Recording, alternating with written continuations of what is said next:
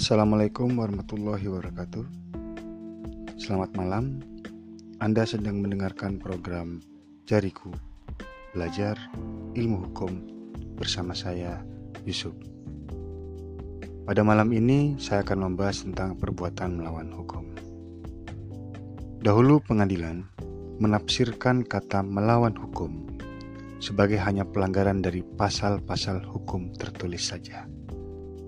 Tetapi sejak tahun 1919 terjadi perkembangan di negeri Belanda dengan mengartikan perkataan melawan hukum bukan hanya untuk pelanggaran undang-undang tertulis, melainkan juga melingkupi atas setiap perbuatan pelanggaran terhadap kesusilaan atau kepantasan pergaulan hidup masyarakat. Dengan demikian, sejak tahun 1919, tindakan onreh matedat atau perbuatan melawan hukum tidak lagi dimasukkan hanya sebagai onwet matedat atau perbuatan melawan undang-undang. Demikian juga di Indonesia, perbuatan melawan hukum juga diartikan secara luas.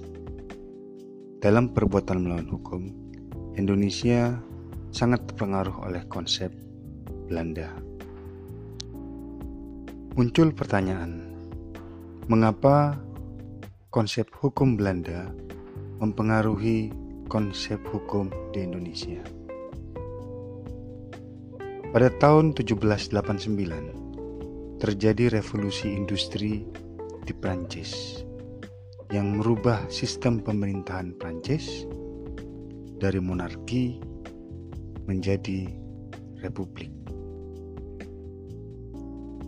Prancis memiliki tiga hukum tidak tertulis, memiliki konsep. Yang pertama, liberty, egalite, dan fraternité. Liberté adalah kebebasan, egalite adalah persamaan, fraternité adalah persaudaraan.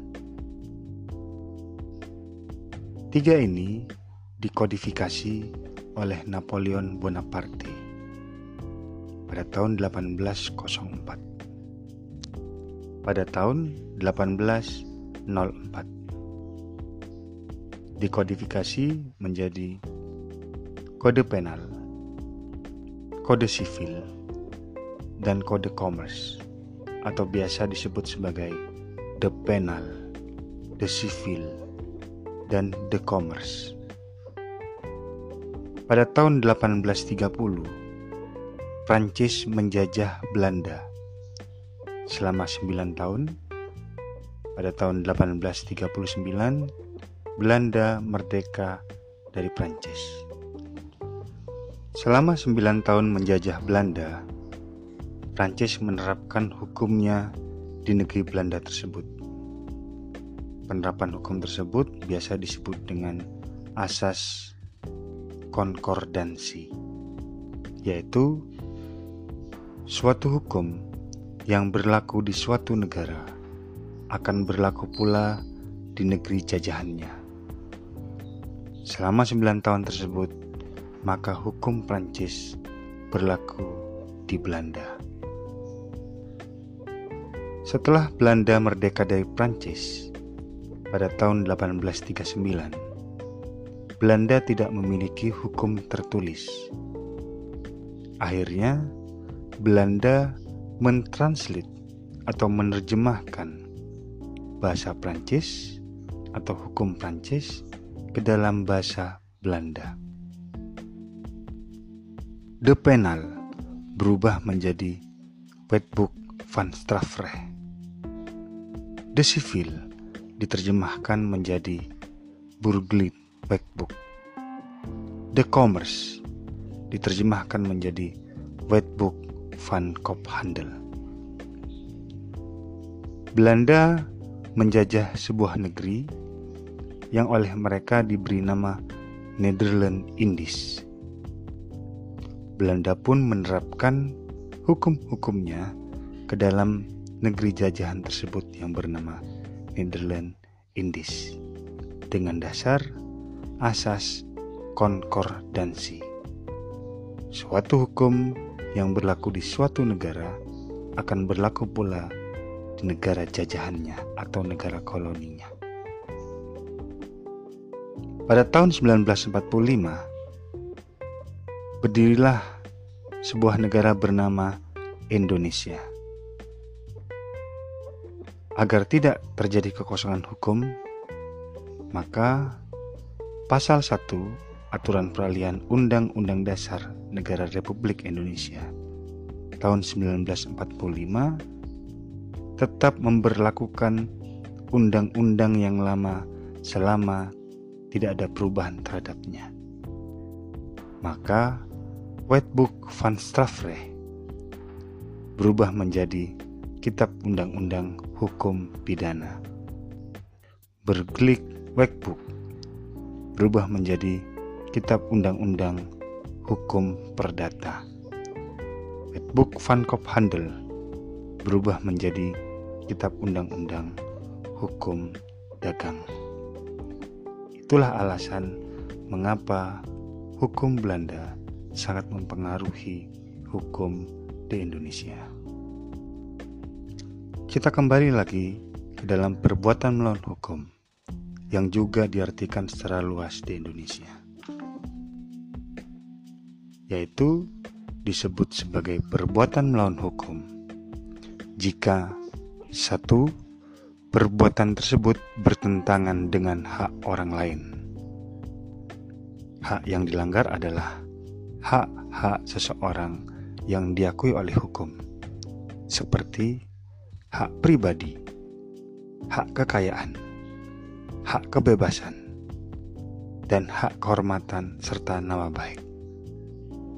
Saya ulangi lagi. Hak yang dilanggar adalah hak seseorang yang diakui oleh hukum seperti hak pribadi, hak kekayaan, hak kebebasan, dan hak kehormatan serta nama baik. Kedua, perbuatan tersebut bertentangan dengan kewajiban hukumnya sendiri. Istilah kewajiban hukum yang dimaksud adalah bahwa suatu kewajiban yang diberikan oleh hukum terhadap seseorang, baik hukum tertulis maupun hukum tidak tertulis, bukan hanya bertentangan dengan hukum tertulis, melainkan jika bertentangan dengan hak orang lain menurut undang-undang dapat juga disebut sebagai perbuatan melawan hukum. 3. Perbuatan yang bertentangan dengan kesusilaan. Tindakan yang melanggar kesusilaan yang oleh masyarakat telah diakui sebagai hukum tidak tertulis. Pelanggaran terhadapnya juga dianggap sebagai perbuatan melawan hukum.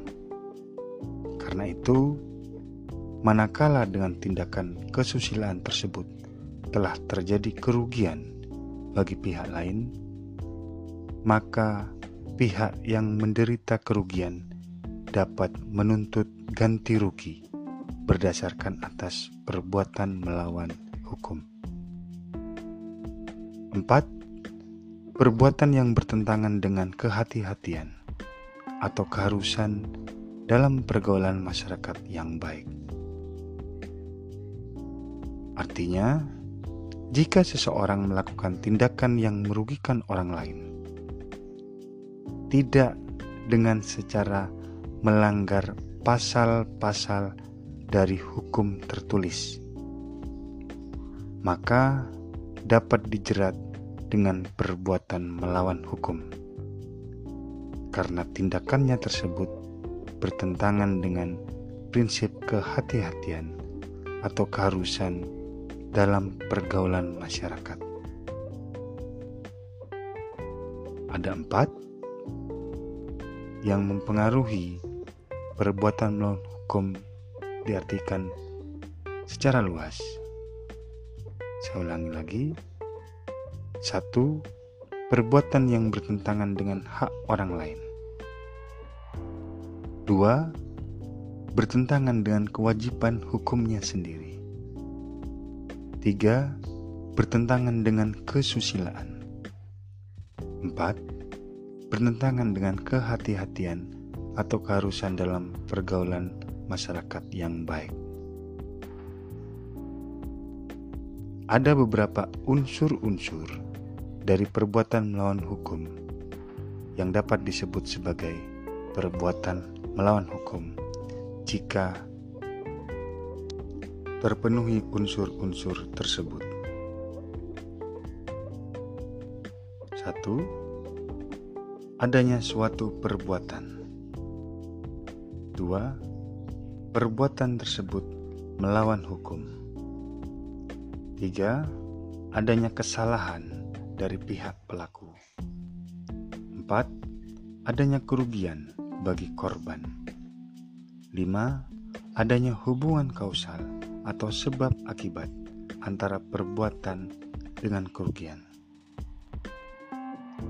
Saya ulangi lagi, ada unsur-unsur dari perbuatan melawan hukum yang ada pada ketentuan pasal 1365 Kitab Undang-Undang Hukum Perdata bahwa yang disebut perbuatan melawan hukum haruslah mengandung unsur-unsur perbuatan.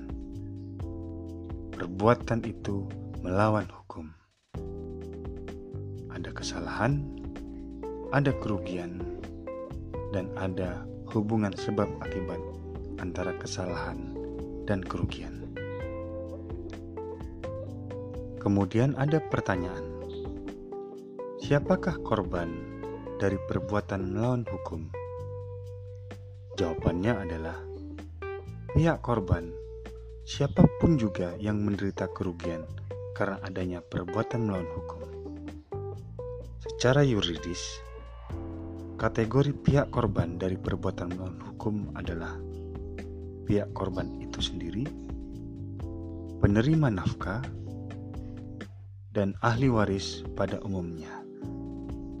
Saya ulangi, kategori yuridis pihak korban dari perbuatan melawan hukum adalah pihak korban itu sendiri, penerima nafkah, dan ahli waris pada umumnya. Saya simpulkan bahwa perbuatan melawan hukum adalah suatu kumpulan dari prinsip-prinsip hukum yang memiliki tujuan untuk mengontrol atau mengatur perilaku berbahaya, serta memberikan tanggung jawab atas suatu kerugian yang terbit dari interaksi sosial, dan untuk menyediakan ganti rugi terhadap korban dengan suatu gugatan yang tepat. Demikian, Assalamualaikum warahmatullahi wabarakatuh.